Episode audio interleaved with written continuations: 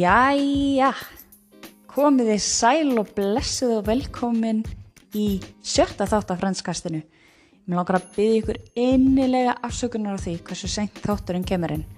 En uh, vinkona mín ringdi í mig bara rétt í þessu og myndi mig á að uh, þátturinn var ekki komin inn. Ég bara, já, F, uh, bíp, það er mánudagur.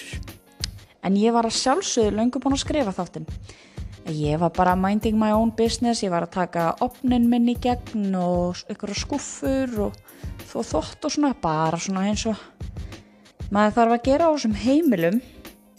En hér er ég komin. En nú eru þættirnir loksis komnir inn á Apple Podcast eftir svo litið langa byggð. En þetta tekur yfirleitt smá tíma til þess að koma inn á alla veitur og það þarf að samþykja og eins og kallast að diskleima hljóði mitt. Þannig að ég á þáttinn og ég fæ hlustannar og já, en ég, ég bara skilit ekki. En hér fyrir sunnan uh, hérna landið er búið að vera svo litið kallt og vindasamt og það er eiginlega bara komið haust. En einmitt akkurat núna er sól á pallinum hjá mér og 13 stegi hildi þannig að ég hugsa að ég taka mig bara göngutúr eftir daginn. En um, það er samt alveg að koma haust og uh, það þýðir ekkert að vera að velta sér mikið upp úr veðrunu en það er ósælega lítið sem maður getur gert í því. En ég er bara búin að vera að nýta tíman inni og veist, búin að vera að skipulegja mig betur fyrir komandi haust og ég fór í flæi over Æsland með eldri strafnum mínum. Það var gegn geggjað, er það grínast? Ég mæli svo mikið með ef þið hafið ekki farið og um að gera, taka um og afa með. Það, þú veist, þau eru alveg með allt á hreinu hvað var þar COVID ráðstafanir og þeir selja bara inn með það að leiðilösi þú veist að það, já með þetta COVID að leiðilösi það er sem ég er að segja. En þetta er algjör snild ég bara, ég, já, ég, bara, ég var ótrúlega ána með þetta. En í dag ætlum við að tala um Matt LeBlanc. Það er, mér finnst þetta alltaf svo gaman að segja Blanc en það er bara Matt LeBlanc. Uh, sá sem lekan Joseph Francis Tribbiani eða bara Joey Tribbiani eins og ég þekkjum hann best. Skemmtilegu karakter sem fær eiginlega alla sem ég þekki til að hlæja meiri segja þeir sem horfa bara ekkert á Friends þekkja Joey og finnst hann æðislegur. Eh, eitt lítið leindamál þá horfir maðurinn minn ekki á Friends ótrúlegt en satt. Samt var ég ástfangin á honum. En honum finnst það ekkert svakalega skemmtilegt. En hann elskar Joey og elskar Joey þættina og finnst hann yfirleitt mjög fyndin og skemmtilegu karakter. En komum okkur bara beint í mál dagsins. Matt LeBlanc, gjöru þið svo vel.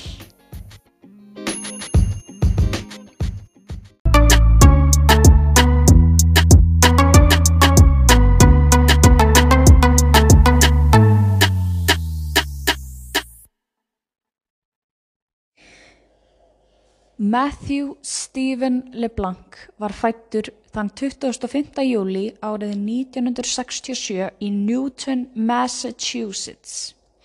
Hann var engabatt þeirra Patricia Grossman og Paul LeBlanc. Patricia móður hans var skrifstofustjóri eða svona office manager. Ég kann ekki alveg að útskýra það betur.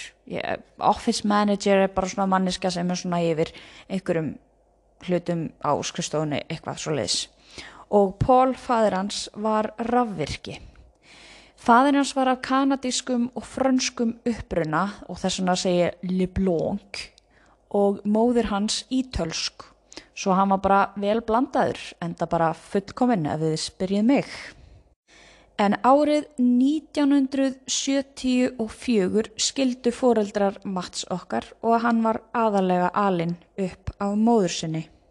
En styrluð staðrind um bæin Newton sem Matle Blanc er frá. Eh, hann er um 18 kílometrum vestur frá Boston og er þekktur fyrir tvo hluti. Númer eitt.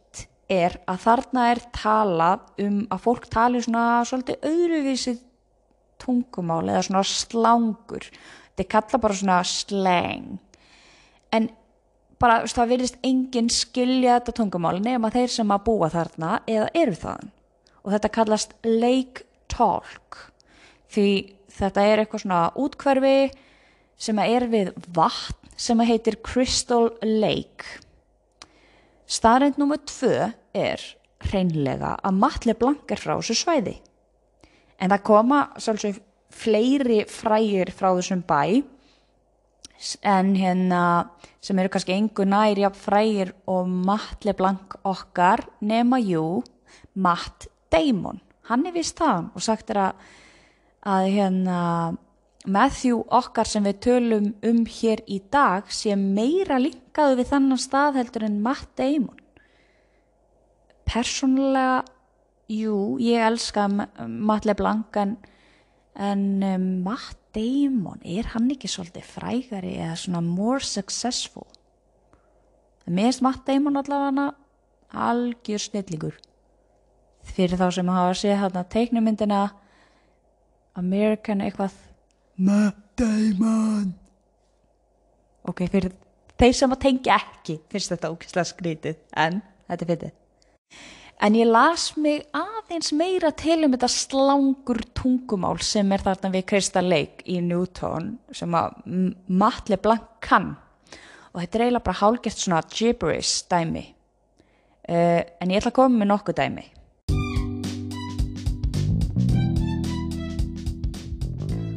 Wicked Pizza Mush þýðir extremely awesome man. Ok Mush has a kormunga in his cover. Guy is hiding a gun. Ok, Mush has kormunga in his cover. Sem að því er einni, sko, Mush er greinlega gaur og kormunga er, já, er ekki bara byssað eitthvað. En, allavega kom okkur að næsta. Corey, skrifað C-O-R-E-Y the male sexual organ. Tippi tippi, tippi, tippi, tippi tippi er alltaf jafnfindið, er það ekki? he has a core behind. Nei, between.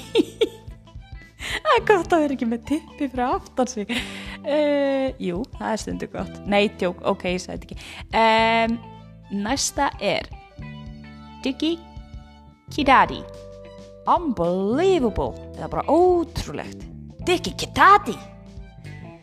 Uh, svo kemur það síðasta sem að mér veist veit ekki okkur um ég finnst þetta eiginlega finnast en það er 24911 þýðir meet me in the store 24 parking lot immediately.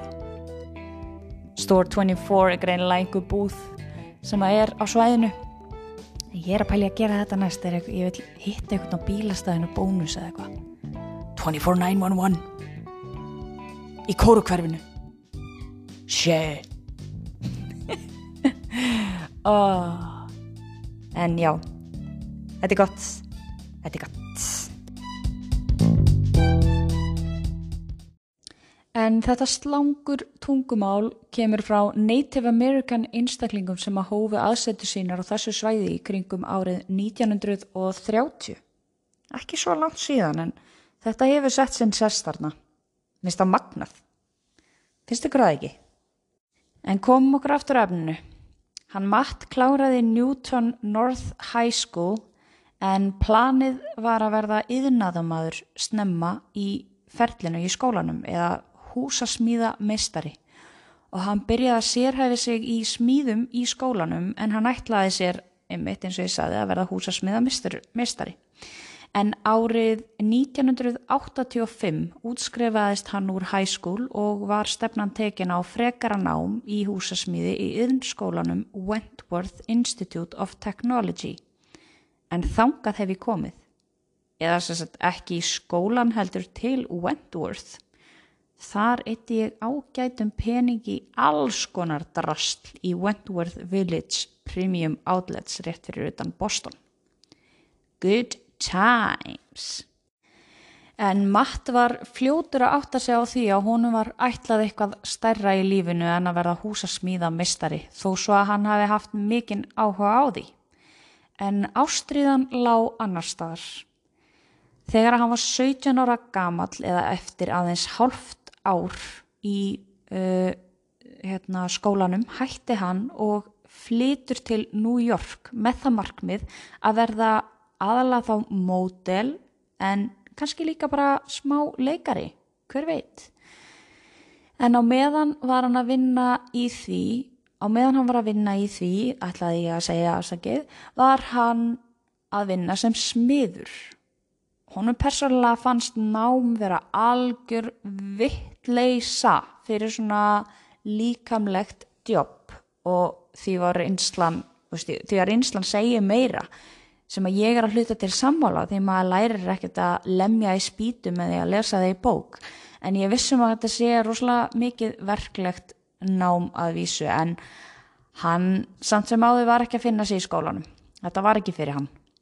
En hann finnur ljósmyndara í New York því að uh, einn vinnur hann sem að hann var að vinna með í þessu uh, verkefni, þessu smíðaverkefni bendir honum á að hann sé alveg svona með lúkið til þess að vera mótel og hann bendir honum á eitthvað svona goðan ljósmyndara sem hann hafi heyrt um.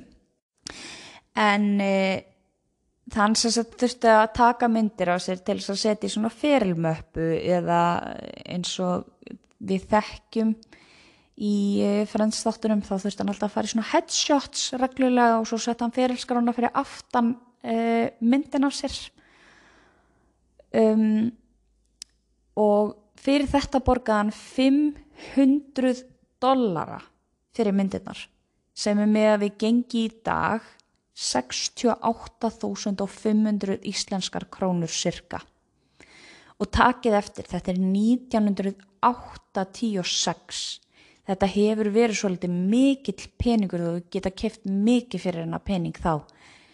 En Ljósmyndarinn var greinilega algjör douchebag því að eftir að hann var búinn að taka myndirnar og fá borga fyrir það þá sagði hann matt að hann myndi aldrei vera ráðinn í eitthvað mótelgig hvort sem er því hann væri oflávaksinn fyrir það. Takkið eftir hann er 1.78 mér finnst það ekkert eitthvað, jú, það er kannski í svona undir meðalagi eða eitthvað, ég veit það ekki en hann er nú að mínum að þetta er alveg nógu nóg hár fyrir minn smekk. En ég er líka 1.61 en að mínum að þetta finnst mér hann hafi verið rændur. 500 dólarar bara til þess að segja honum þú veist hvað sem er aldrei að fara að vera mótel eða neitt annað En hann gekk þarna út á ljósmyndastofunni alveg bara freka súr og bara rugglaður og, og bara, já, reyður yfir þessu mómenti og hversu miklum pening hann hafi tapað og, og hann, veist, hann fyrir að trúa þessu. En þetta er náttúrulega rosalega stutt móment þar sem hann bara lappa niður stegan á byggingunni og en síðan bara, já, lítur hann upp og sér gull fallega stúlku eða konu, unga konu koma á móti sér. Þegar að Matt horfið tilbaka á þetta moment þá er þetta mjög svona, mjög svona Joey-like moment, bara alveg eins og Joey og í raun moment sem átt eftir að breyta lífi hans til eins betra. Þarna stendur hann alveg vonlaus og búin að missa trú á því að rætist nokkuð tíman úr honum sem mótel eða leikari en læti það samt ekki stoppa sig og byrja svo að skoða þessa fallega stúlku og brosi til hennar. Hún lítu við og byrja að skoða hann vel á móti og þau fara bæða að hlæja. Hún stoppar hjá honum og ákveður að tala við hann. Þessi unga kona var sem sagt uh, leikona, bara, þú veist, ekkit orðin fræga en eitt, bara að koma sér uh, á farveg og var á leiðinni á þessu augnabliki að funda með umbósmanni sínum og hún bara spyr hann svona góðlátlega hvort hann vil ekki bara koma með henni og segist vilja kynna honum fyrir umbósmanninu sínum út því að hún sá bara wow, þessi gaur er flottur. Matt slæri ekki hendina á móti góðu bóði frá svona gullfallir konu svo hann bara slær til. Ég bæðu og ég myndi aldrei fyrir það fyrst að bjóða ókunnum manni af göturi eins og staðan er í heiminum í dag og ég myndi heldur aldrei bara fara með einhverjum ókunnum á ókunnugar slóðir. En ég er kannski bara aðeins svo smeg eftir öll trú kræm podcastin hlaðvörpin sem ég hef verið að hlusta á. En uh, sem betur fyrr hugsaði hann ekki eins því þarna er hann að kynast umbóðsmanni sem sér allt annað en þessi blessaði ljósmyndari. En hann sér möguleika á flottum manni til þess að vera stóri í New York borg. Hann sagði hann hafa fullkomið útlitt fyrir auglýsingabransan. Matt hafði enga veginn í hyggja að fara skrifundi samningi á umbóðsmanni eftir að hafa farið með þessari konu í lestaferð því hann var handvissum að hann væri bara fara að fá á brottin. Hann var nú alls ekkit ósáttur heldur við þetta fyrirkomulag. En eins og ég sagði í byrjun, þetta er algjört Joey moment. Á fyrstu þrem árum hans í bransanum gekk allt virkilega vel. Ásamt því að vera mótelast fyrir minni fyrirtæki og litlar auðlusingar, þá var hann einnig andlit Doritos, Coca-Cola, Levi's, KFC, 7up og Heinz tómatsósu. Mm, franska með tómatsósu. Hver er með en með þessum peningum sem hann náði að hala inn á þessu fekk hann nóg til þess að lifa vel á þessu og borga undir sinn námskeið hér og þar í bæði mótelstörfum og í leiklist. En þessi Heinz auglýsing var rosalega stóra þessum tíma og uh, hún er sem sagt þannig, hún er svolítið fyndin sko, hún er þannig að hann er sem sagt uh, á efirstu hæð í svona bara skýjarkljúfri eða svona í stóri, stóri byggingu og tekur svona Heinz flösku sem er svona gleri, það er voru alltaf gleri í gamla daga og uh, hérna leggur hann á svona, tekur tappan af og leggur hann á svona á brúnina á byggingunni. Svo lappa hann bara rólu bara svaka töffari eitthvað að laga skirtuna og set, fari hérna, jakkan sinn og, og hérna lappar bara hjá okkur svona vendir eða svona pulsusala. Og hann bara do you want mustard on that? Og hann bara yes and ketchup. Og svo er sérst að leka úr hérna flöskunni sem er þú veist efst uppi. Og svo grýpur hann sósuna þú veist á pulsuna og bara tekur sér bita voða tappi sko. En þetta var svona fyrsta breakthroughið hjá Matli Blank það var tómatsósu auglýsing en eftir að þessi auglýsing uh, bara fyrir loftið byrjuði símtölun að koma hratt inn á borð hjá umbásmanni hans frá Hollywood um að koma og lesa bara fyrir alls konar pilot þætti og gama þætti Matt hikaði en ekki af því að hann vildi þetta ekki heldur því að honum fannst hann bara enga veginn vera tilbúin í svona verkefni strax. Hann vildi að sjálfsögðu komast ángað einn daginn en honum fannst hann ekki vera búin að þroskast nú eh, svona faglega séði í leiklist hann vissi meira um smíði heldur en leiklist og honum fannst það svo ónáttúrulegt bara gákust, ég veit meira um hvernig á að smíða hús heldur en að leika og mér finnst það bara eitthvað rámt. Hann sagði bara reynd út við umbósmannin sinn I am not quite ready to go. I know that we need to work a little bit more in my acting skills. En umbósmaðurinn sagði, hann bara basically sagði bara við hann að það er bara nú eða aldrei, now or never í þessum bransa á maður ekki að sitja á hakanum þegar kemur að veist, því að þegar maður fær svona uh, fullt af símtölum því að þú veist það voru allir að ringja og spyrja eftir tómatsósumanninum því hann átt að vera svo fullkomin í svo mörg hlutverk. Þetta andlit, þetta vakstalag, þessi rött það var alveg nýtt á nálinni í bransanum. Ítalskur, kanadískur franskur fóli en það er talað um að þegar hítin er sem mestur eftir eitthvað svona verkefni þá verður maður að segja já og já og já þá hefur maður eiginlega ekkert efnaði að segja nei út því að maður ekki tilbúin út af því að þá bara kannski næst kemur ykkur önnur auglýsingaherrferð eða þættir eða eitthvað, eitthvað allt annar og þá er hann bara old news. Þannig að veist, það verður bara að grýpa gæsina á meðan hún uh, flýgur eða eitthvað, ég veit ekki hvernig maður orðaði þetta. Griftu gæsina. Eða eins og Joey segir í Friends grab a spoon en hann ákvaða að ráðfæra sig við leiklistakennaran sinn sem var búin að vera hjá í smá tíma. Og hann sagði henni frá öllum þessum símtölum og þessum tilbúðum og hún bara sagði honum það sama og umbásmaðurinn sagði bara, veist, það er nú eða aldrei veist, þú ert tilbúin í þetta. Og þú bara verður að taka skrefið.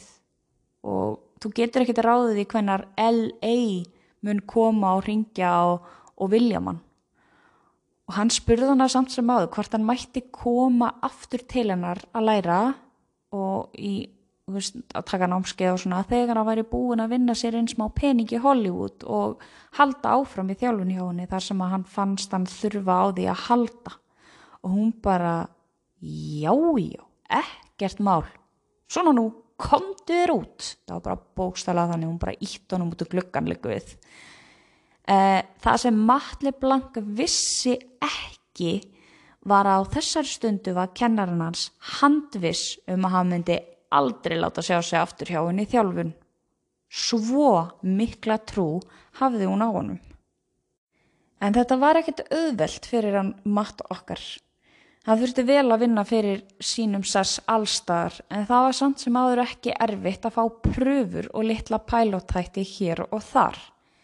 Enda eins og ég hef sagt áður að ef fólk er ráðið í pælóttætti og svo leiðis þá fá leikarar og krú alltaf borga fyrir það þar sem að þau vinna og svo er það bara skrið sem þurft að taka til að halda áfram. En Hann fær þarna einu tímum búin til hlutverk, einni sériu sem bar nafnið TV 101 eða veist, sjónvarp 101 eða eitthvað sem var sínt á CBS en var cancelled eftir eina sériu en síðasti þátturinn var einmitt síndur 20. og 5. mars árið 1989. En vitið hvað annað gerist árið 1989? ekki bara að yours truly eða ég unnur þetta fættist heldur var fjöldamorðingin og viðbjóðurinn Ted Bundy tekin af lífi þann 24. janúar sama ár. Pávin Jón Páll annar kom til Íslands, Nintendo varð 100 ára, Honey I Shrunk the Kids kom út og Express Yourself með Madonnu var á topplista ársins ásamt Crying með Aerosmith.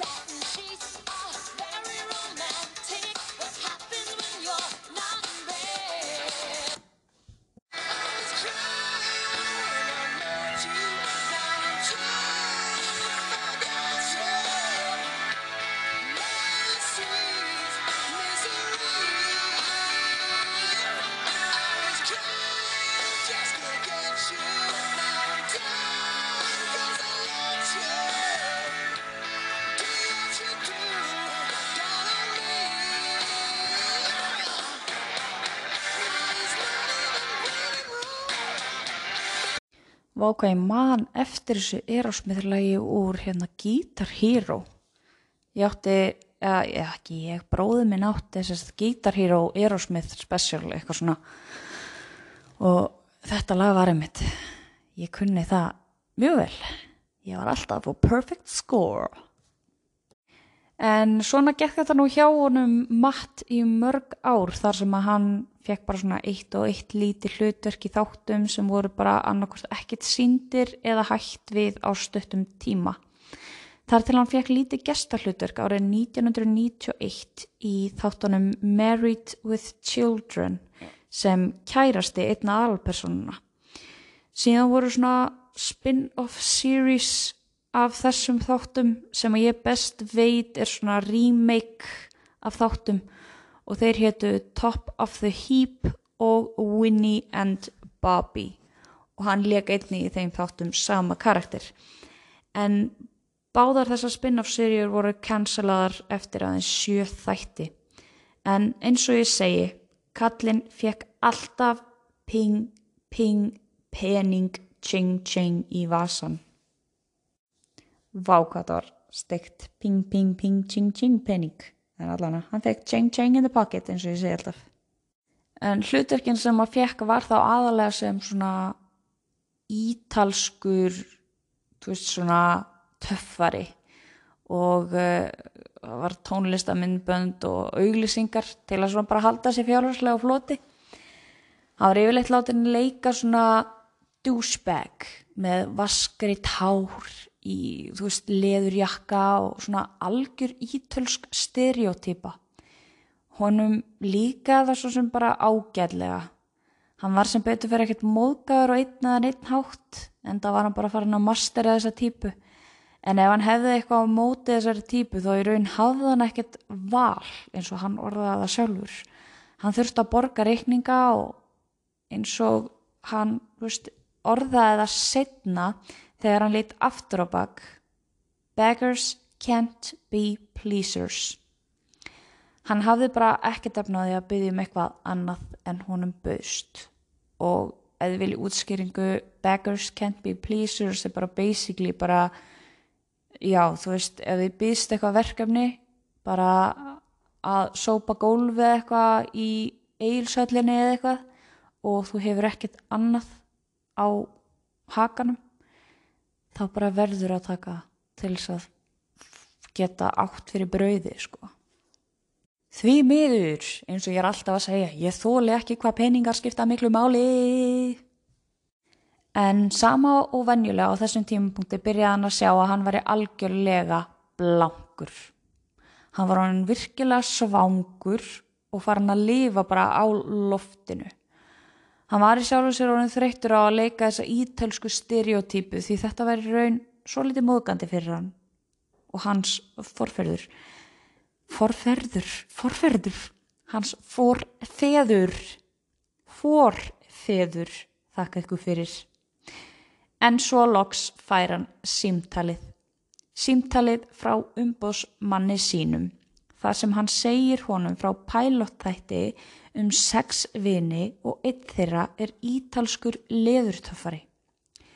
Hann þurfti ekki að hugsa sér tvisar um og sagði bara já, please, takk. En eina sem hann hugsaði þetta augnablík var að hann ætti bara nákvæmlega 11 dollara inn á bankareikninu sínum og hann gati ekki beðið eftir því að fara í pröfuna og fá sér eitthvað almennilegt að borða. En þrátt fyrir það varð hann svo litið heimskur kvöldið fyrir pröfuna. En kvöldið örlegaríka eða kvöldið fyrir pröfuna satt hann í stofu vinar síns og þeir voru að fara yfir handritið á pæljóttættinum þegar að vinur hans segir allt í einu This is a show about young close friends, right? So maybe we should quit practicing and go out to prepare, get shit faced, just like real friends do, right? Ekkert er sagt um kvöldið hans Mats nema bara það að hann datt í algjört blackout sem þýðir að það hefur verið mikið drukkið en komum okkur þá á morninum eftir, á degi pröfunar. Matt vaknar á gólfinu heima hjá vinnu sínum. Þeir komist allavega heim og hann var alveg skel þunnur. Hann bara heldur alltaf, já, hann bara reynir að standa upp og þið vitið mörg hvernig það er að vera þunnur. Það er viðbjóður og, eh, já, og þið ungu börn, elskur sem er það að hlusta. Ekki draka. Nei, sérstu en hann skrýður inn á baðherbyggi uh, eh, stendur svo upp reynir hann á jafnvægi en dettur á klósett skálina krakka mínir. Nokkrum klukkustundum síðar stóðan inn í herbyrgi með Mortu Kaufmann og David Crane með rísa glóðuröga og blóðugt stórt sár á enninu og blóðnasir. Hann var þá búinn að þurka sig en það blætti bara ennþá og hann bara fór, ja, bara fuck it, ég er mættur. Hann femi línuna sínar eins og bara ekkert sé og meðal annars er þetta sérst atriði þegar hann er að segja Ross, þannig að það sem ég segja fyrir þættinum, grab a spoon, do you want chocolate ice cream or vanilla? Just pick a spoon, grab a spoon. Mist áhugavert en ok, kannski ekki öðrum en uh, Kaufmann er svo ótrúlega hissa hún bara, um, þegar hún fer tilbaka og horfir á þetta augnablík, hún var bara ok, þú veist, hún fylgist alveg með pröfunni en hún er samt svona, hvað kom fyrir gaurin? og uh, hún sér það bara að, þú veist það er eitthvað mikið að, sko en hún spyr sér sett í lok pröfunar What happened to your face? Kaufmann tók einni eftir því að Matt hafi verið augljóslega mjög óreindur og frekar nýr í leiklistabransanum þó að hann hafi verið búin að taka einhver, þú veist, lítil svona pilot hlutverk og eitthvað en hann var augljóslega ekki búin að, þú veist, taka heila sériu eins og þið vitið þá um, kefti stúdíóið ekki bara pilot heldur alla seríuna strax. Um, náttúrulega stærsta giggið hans á þessum tíma á ferilskráni var Heinz tomatsósu auglýsingarnar sem hann var í. En ég mælu með enn og aftur að kíkja á hana hún er alveg mjög skemmtileg. En ég menna það er náttúrulega augljóst að hann er mjög óreindur því að þú ferð ekki á hellir en að djam kvöldi fyrir svona mikilvæga pröfu. En hann bara pff, hvað með það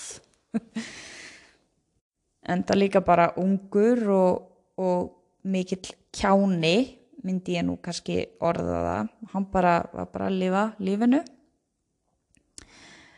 En um, talandu um svona gamlar auðlýsingar þá finnst mér rosalega gaman að skoða svona auðlýsingar þar sem er að mæla með því að skoða þessar hænts auðlýsingu og líka Coca-Cola auðlýsingur hans. Hún er mjög skemmtileg líka. Það er alveg skemmtilegt að sjá líka bara hvernig hann leiti út á þessum tíma. Og mér finnst til dæmis ótrúlega gaman að horfa á svala auglýsingarnar. Kunniði þær? Ég man ekki alveg textan en það er eitthvað svona þú sígur upp með röri ævintýra svali svali svali ævintýra svali. Svali? Eitthvað. Ég elska þessu auglýsingu sko. Svo er það náttúrulega gotti. Gotti og borðinu borða ostindin Osturinn Allan daginn út um bæinn Alltaf velja þennan kost. Gotti, gotti, gotti, gotti, gotti Borðar ost og svo er það dreitill gamli ég man nú ekki lægi á því en svo er það 5, 8, 8, 5, 5, 2, 2 getur ykkur sagt með hvaða símanúmer er það? 5, 8, 8, 5, 5, 2, 2 Taxi man en ef þið ljóðum með okkur svona góðum og gömlum auglýsingum þá með ég endilega senda á mig á Instagramið annarkort mitt unnur Björns eða hérna Instagram uh, Friends Kastsins.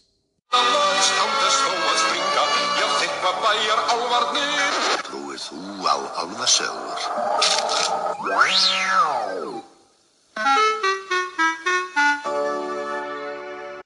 En það sem að ekki margir vita er að Hank Azaria leikari er einn af þeim sem kom til greina til þess að leika Joey. En það er einmitt maðurinn sem kemur svo síðar í þáttunum sem David the Scientist Guy sem deytar Phoebe í einhverjum þáttum og bregður svo tviðsarsinnum eða eitthvað svo leiðis fyrir setna. Í raun fyrsta ástinuna Phoebe. En Matt vann þann slag augljóslega en það munaði ekki miklu samt sem áður. Warner Brothers voru fástir á því að Kaufman og Crane vegna útgangs Matts í pröfunni og hversu ófamleg, fagmannlegt það var af honum að mæta svona vildu þeir bara fá hangi hlutverkið. En Kaufman sagði this is the actor who will get better every episode. He can do it.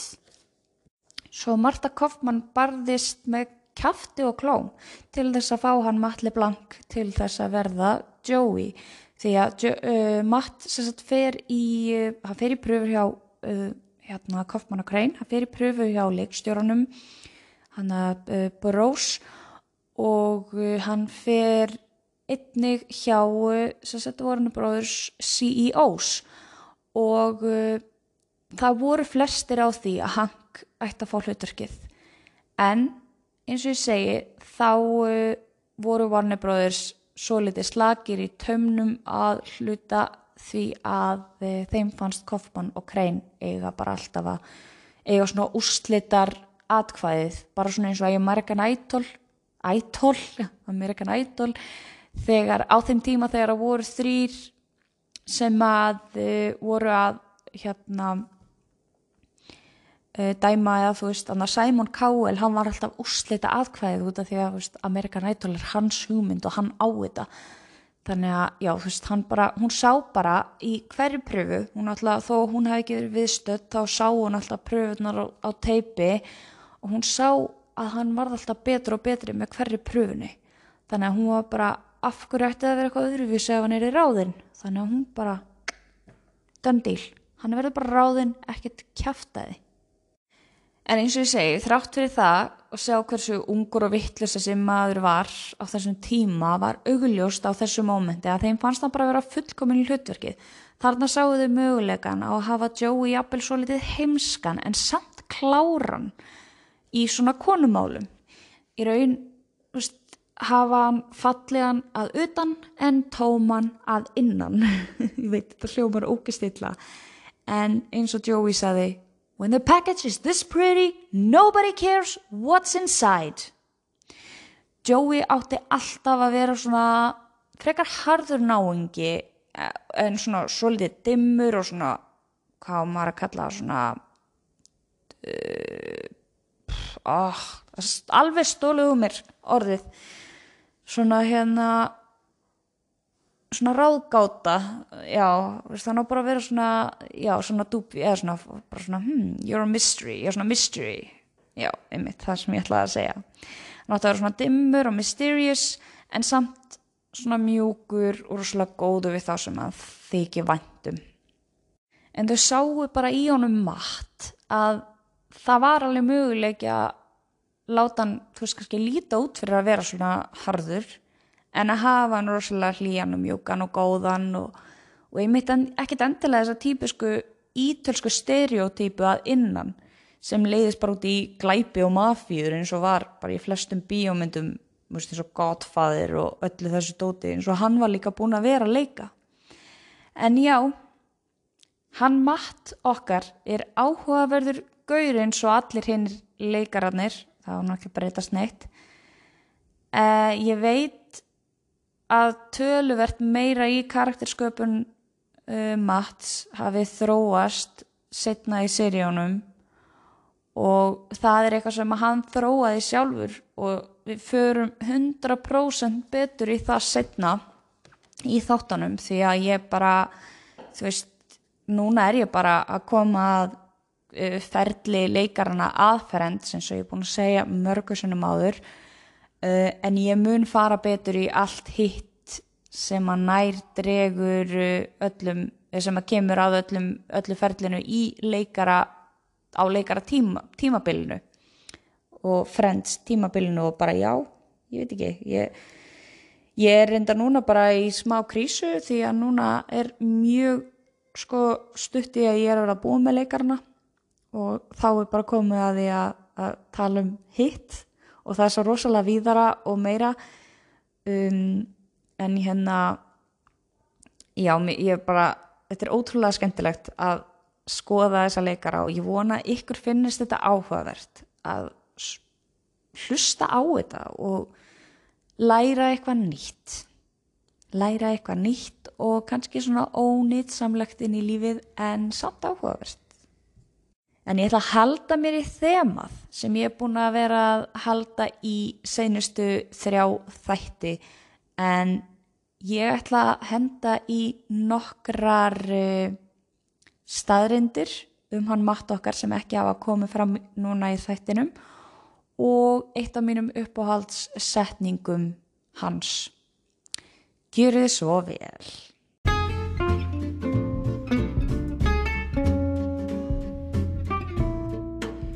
Matt var lengi ansi hrættur um að hans karakter Joey væri líklegastu til þess að vera sparkað úr þættinum fyrir að vera bara enga veginn bara fyndin og skemmtilegur og svona áhugasamur. Að hans mati var hann síðstur karakterina því að hann var bara myndalegur og tómur hvennabósi og hún fannst hann bara að vera bara enga veginn ómissandi eins og allir hinnir karakterannir vel á lengi gerði þetta matt mjög tauga óstyrkan því um var að ræða líf hans og indi en það var svo sem aldrei gefið skinn að hann myndi nokkuð tíma að vera sparkað út fyrir honum en þetta var bara einhver hræðsla í honum um að áhorfundarhrifin sem Joey veitti myndi verða slæm. En svo var ekki. Starrend nr. 2 Hann var tilnæmdur til Emmy-veluna þrísa sinnum fyrir hlutverk sitt í Friends en vann síðan Emmy-velun fyrir hlutverk sitt í þáttunum Episodes sem voru síndir á árunum 2011 til 2017. Staðrind númer þrjú og hún er mjög stutt. Hann leikur lítið hlutverk í myndinni Charlie's Angels. Staðrind númer fjögur. Hann satt einu sinni fyrir sem mótel fyrir tímaritið Damron Travel Guide for Men sem er svona ferðagæt fyrir samkynniða menn. Í tímaritinu eru staðir þar sem að samkynniðir menn geta notið sín sem best út um allan heim sem sagt svona gay skemmtistæðir, gay cruise og þar sem að þeir eru öryggir og líklega ekki fyrir ykkur svona aðkasti fyrir að vera homar. Staðrind nr. 5 Árið 2000 var Matt í Top 50 Most Beautiful People í People Magazine. Ég er alls ekki ósamala en hann var samt í sæti 34 á meðan Ben Affleck fekk toppsætið. En um, mér persónulega finnst Matt Damon hafi átt að vera aðeins herra með velistan. En uh, þeir sem voru á þessum lista voru meðal annars Denzel Washington, Penelope Cruz, Julia Roberts, Aston Kutcher og Tom Cruise. Mér finnst persónulega vanta hana Jennifer Aniston en það er mitt vandamál. Starrind nr. 6 Dóttir Mats var grind með barnaflóaveiki þegar hún var aðeins unga barn. En sem betur fyrr hefur það vaksið upp úr henni. En staðrind um uh, barnaflóaveiki þá getur hún komið bara af óutskýrðum ástæðum getur verið erfatengt og uh, getur bara komið og farið með einu eða tveim flógum búið. En ofsalega er þetta creepy. Maðurinn minn var með þetta bróðir hans var með þetta og ég er alltaf að býða eftir að svona minn fái þetta. Ég er ángríns orðin.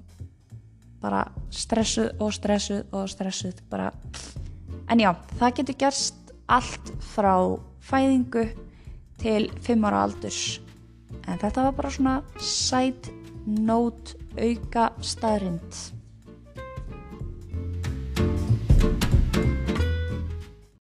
She got the furniture, the stereo, the good TV. What did you get? You guys. Oh God, you got screwed. Oh my God. Keys? Joey, why don't you put them in the lost and found? Is it lost and found? My shoe! You left a shoe here? Look, I didn't realize till I got home. I wasn't gonna walk all the way back down here with one shoe. Oh. You know what? I'm gonna go find that guy's car and leave a note on the windshield. Oh, good. When he comes back for his keys, I'll be sure to give him your shoe. Great, thanks. Ross. I know, but hey, in my defense, I I just found out that condoms are only like 97% effective. What? I gotta go find her. Oh, hey, oh, hold on. Are you serious? So you just like 3% of the time they don't even work? huh? They should put that on the box. Evidently, they do. What? You're coming with me. And I also told them that if we're still here when they get off, that we'll go down to the cafeteria and get some jello with them. Yep. There's always room for jello. Joey, how do you make that dirty? Oh, it's easy. Yeah, I, I can do it with anything. Watch. Uh, Grandma's chicken salad. For her. What are you talking about? One woman. That's like saying there's only one flavor of ice cream for you. Let me tell you something, Ross. There's lots of flavors out there. There's Rocky Road and cookie dough and bing, cherry vanilla. You can get them with jimmies or nuts mm. or whipped cream. This is the best thing that ever happened to you. You got married. You were like, what, eight?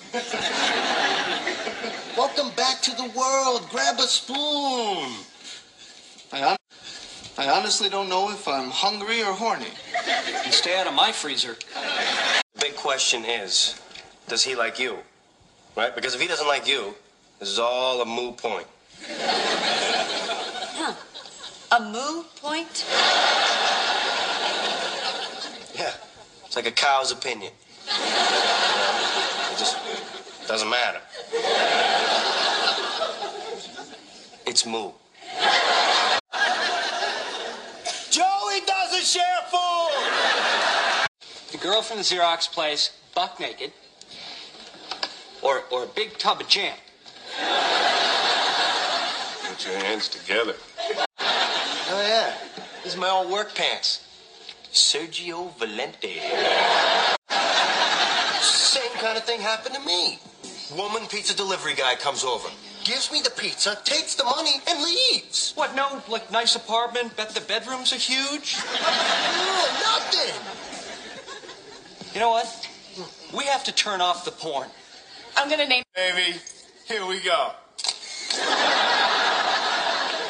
You got your passport? Yeah, my third drawer in my dresser. You don't want to lose that.